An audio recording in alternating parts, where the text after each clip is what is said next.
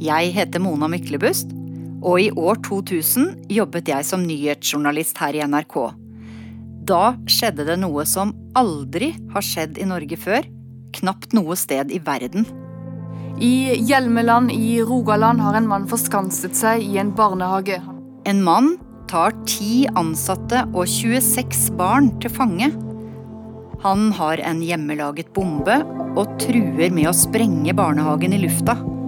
Altså, det var sånn som vi trodde bare skjedde i Amerika. Og iallfall ikke på lille Hjelmeland.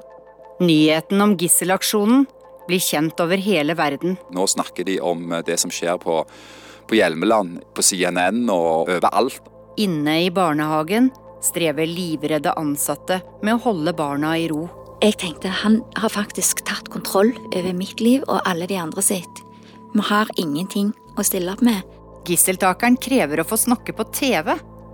Men skal en bevæpnet mann få være med i en direktesending? Ingen tvil om at det var den eh, tøffeste og vanskeligste avgjørelsen jeg som journalist eh, noen gang har gjort.